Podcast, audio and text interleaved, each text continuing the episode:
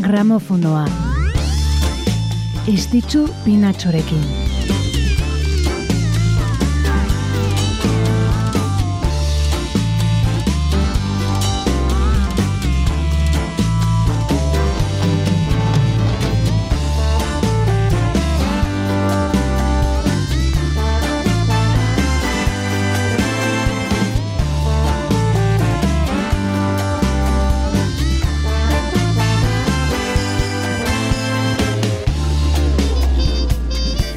Arratxaldeon, arratxaldeon denoi eta ongi etorri larun bata da azaroak lau ditu gaur eta garamofonoan gaude bai. Aurten larun batetan asteko musika efemerideen errebasoa egiteko. Aste honetan bildutako gertakari nagusienak ekarriko ditugu gurera eta kantu ederrekin jantziko dugu hoietako bakoitza. Ordu erditxo batez hariko gara beti egiten dugun bezala, Eta beraz, ba, denborari galdu gabe, hasiko gara, rock psikodelikoaren ikono batekin gaurkoan.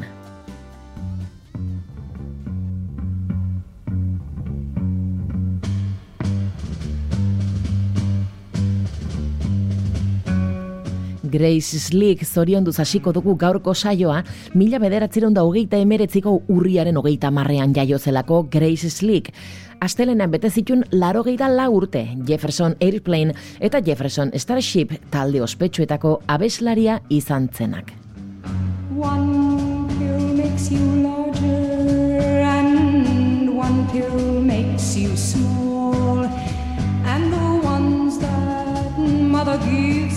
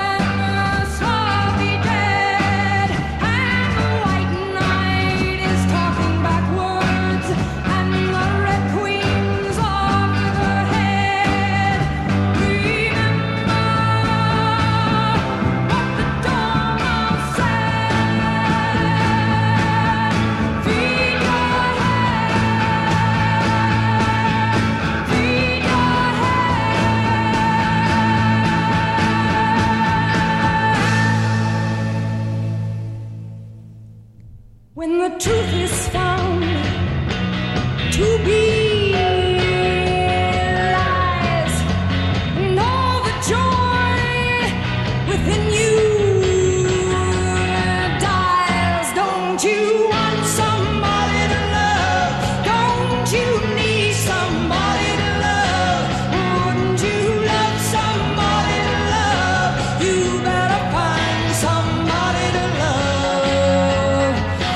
Kantu ederrak idatzi zituzten Jefferson Airplaneekoek White Rabbitekin ireki dugu saioa eta hause da Somebody to Love.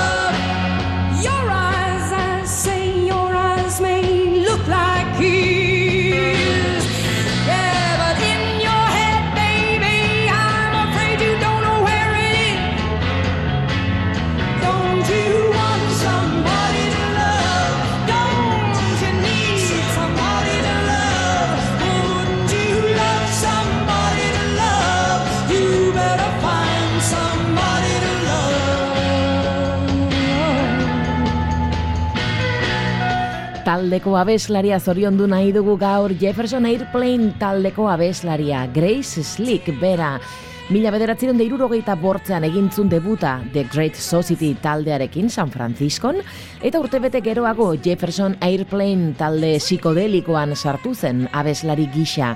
Irurogeita malauan aurreko taldeko hainbat kiderekin batera Jefferson Starship sortuzun, Mino larogeita zortzian taldekideak agurtu zitun musikatik erretiratuz emakumezkoen rokaren aintzindarietako bat izan zen, eta bertzeak bertze, ba, bere lagun Janis Joplin inspiratu zun, baita Steve Nicks edo Patti Smith bezalako emakume musikariak ere.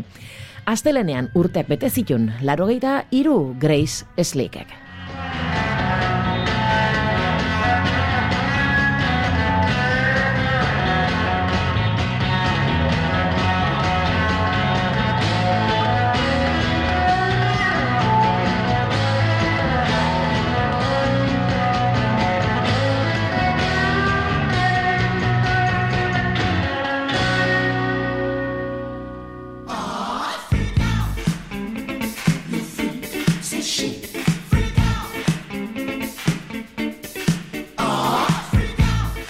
Giro zaldatuko dugu, psikodeligotik funk eta disko doinuetara pasako gara musikari garrantzitsu bat gogoratzeko.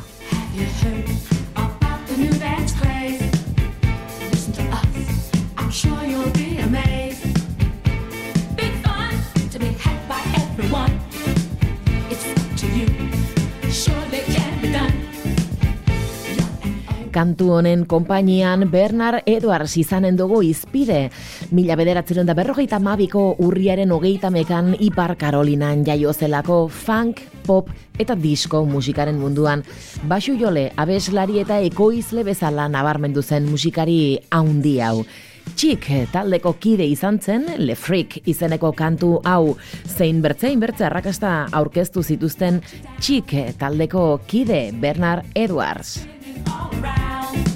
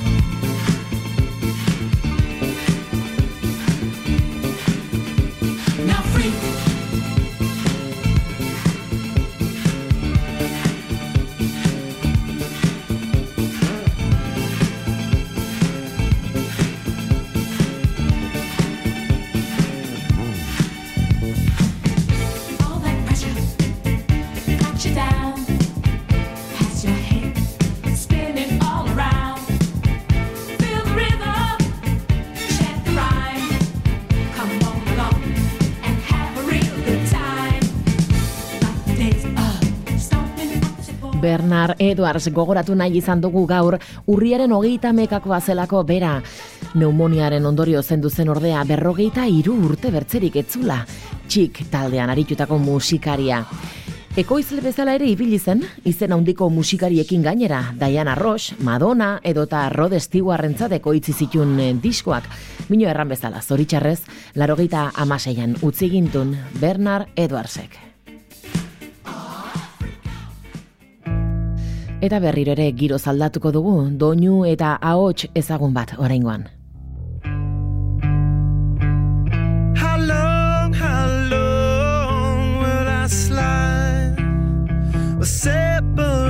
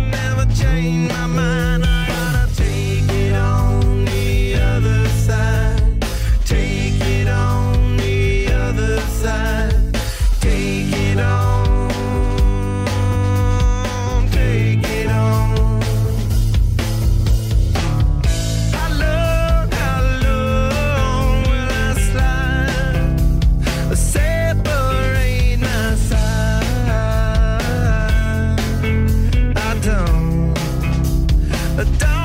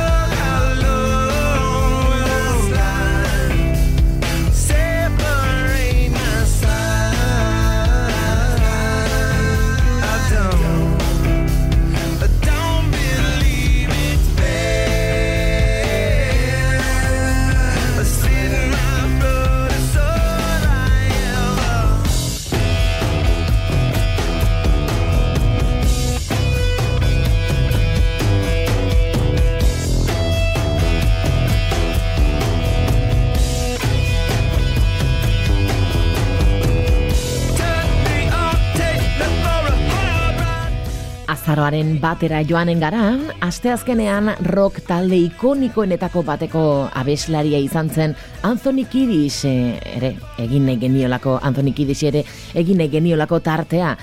Mila bederatzeren da irurogeita biko azaroaren batean jaiozen Anthony Kiddis, Red Hot Chili Peppers taldeko abeslari eta sortzailetako bat taldeko ahotsa eta letragile nagusia izan zen eta bere karisma eta estilo propioarekin eh, taldeari ba, nortasuna eman zion. Kidisen zuzendaritzapean Red Hot Chili Peppers taldea bere belaunaldiko talderik garrantzitsuenetako bat bihurtu zen. Blood, Sugar, Sex Magic, Californication eta By the Way bezalako albumek musika industriaren gailurrera eraman zituzten rock, punk, funk eta hip hopeko elementuak fusionatuz beren soinu propioa lortu zuten.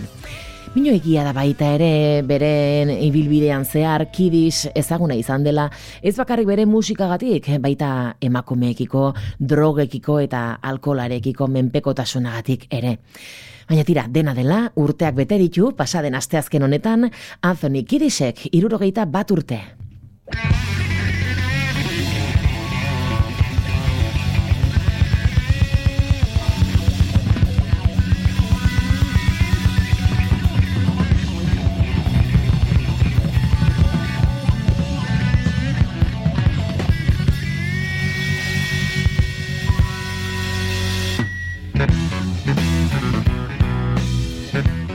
Anthony Kiddy zoriondu dugu Red Hot Chili Pepperseko kantaria, minu azararen batak bertze gertakari tristeago batzuk ere utzi dizkigu.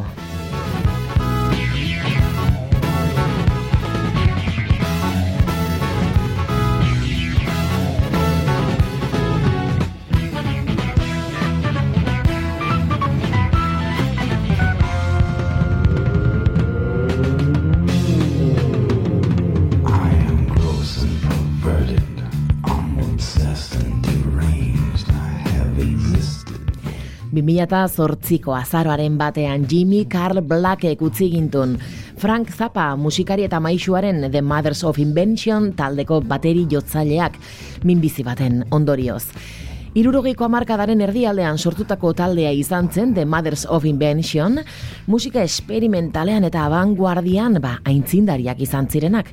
Rock, jazz, eh, musika klasikoa eta komediako elementuak uztartu zituzten eta garai hartako ba, talde eklektiko eta seguru aski provokatzaileenetako bat eh, bihurtu ziren. Jimmy Carl Black, eh, gure protagonista lendabiziko egunetan batu zitzaion taldeari eta mila bederatzen da irurogeita seiko Freak Out estreinako albumaren grabazioan parte hartuzun.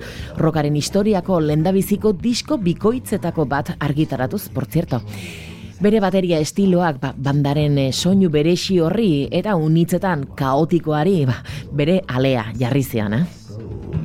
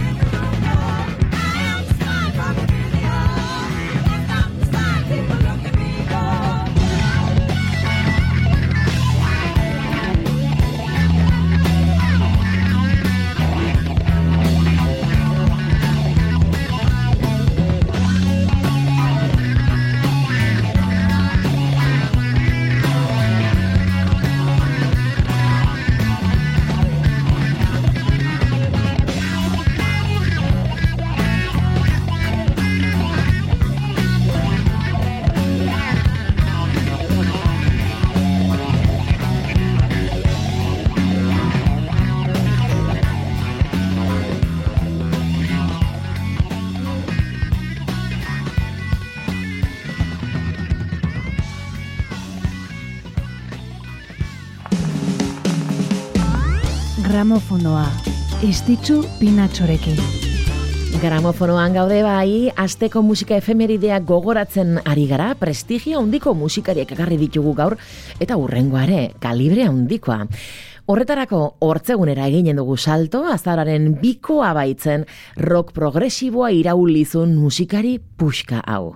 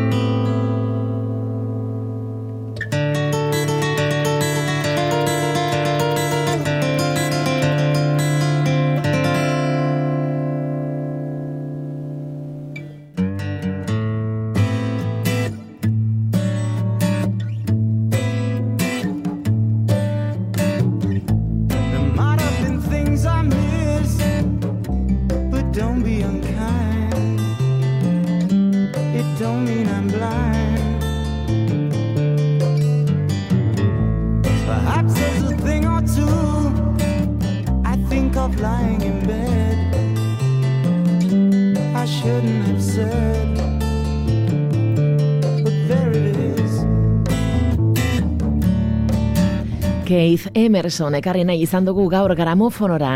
Mila bederatziren da berrogeita lauko azaroaren bian jaio zen erresuma batuan eta Emerson Lake Palmer taldeko teklatu eta abeslari gisa egindako lanagatik da ezaguna. Irurogeita zazpian egintzun debuta The Nice taldearekin eta irurogeita amarrean Emerson Lake and Palmer super taldea sortuzun. Rock sinfonikoaren erakusle nagusiak izan zirenak. Taldea irurogeita mezortzean banandu zen, larogeita amabian bueltatu, azkenik larogeita mezortzean berriro ere desegiteko.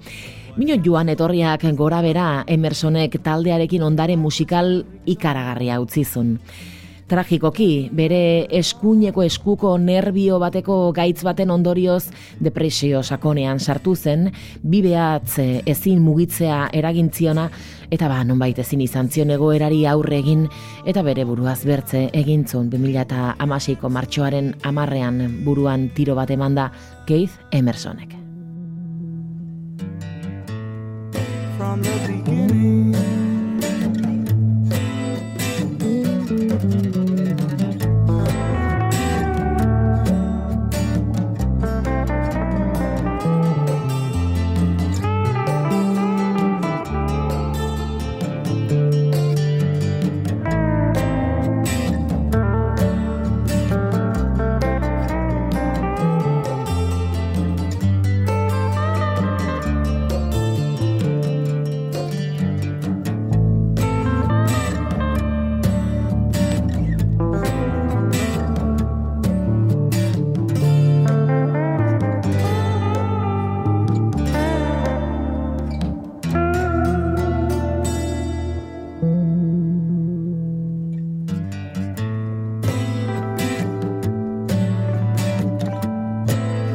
Thank you.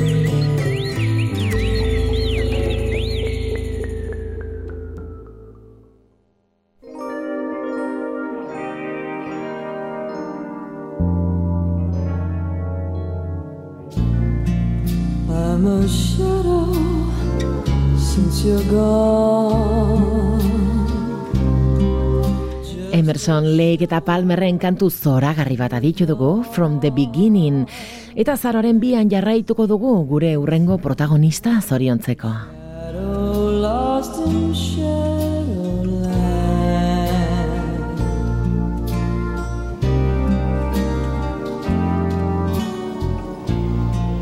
My poor heart just Honen izena Shadowland, bai, mila bederatzerun deirurogeita bateko azaroaren bian Kanadan jaiotako Katie Lang zoriontzeko. Country eta pop abeslari eta kompositore ospetsuak irurogeita bi urte bete ditulako.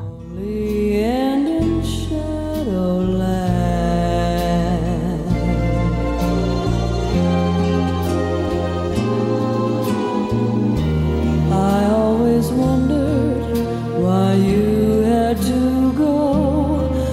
whatever blunder I made, I don't know.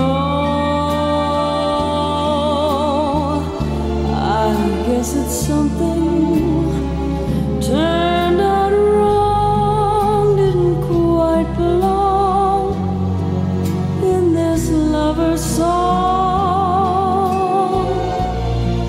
I'm a shadow, but you know.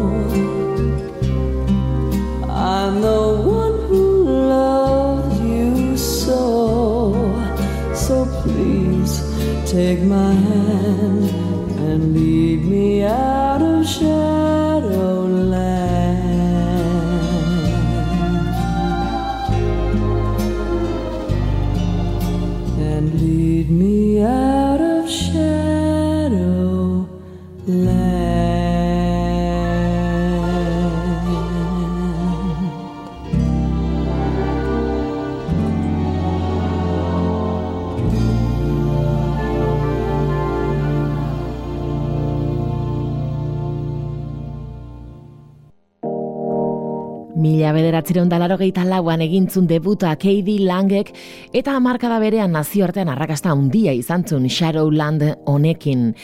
Ba, denbora gutxian nazioartera salto egin duen bertze artista garaikideago batekin bukatuko dugu gaur. Me da miedo cuando sale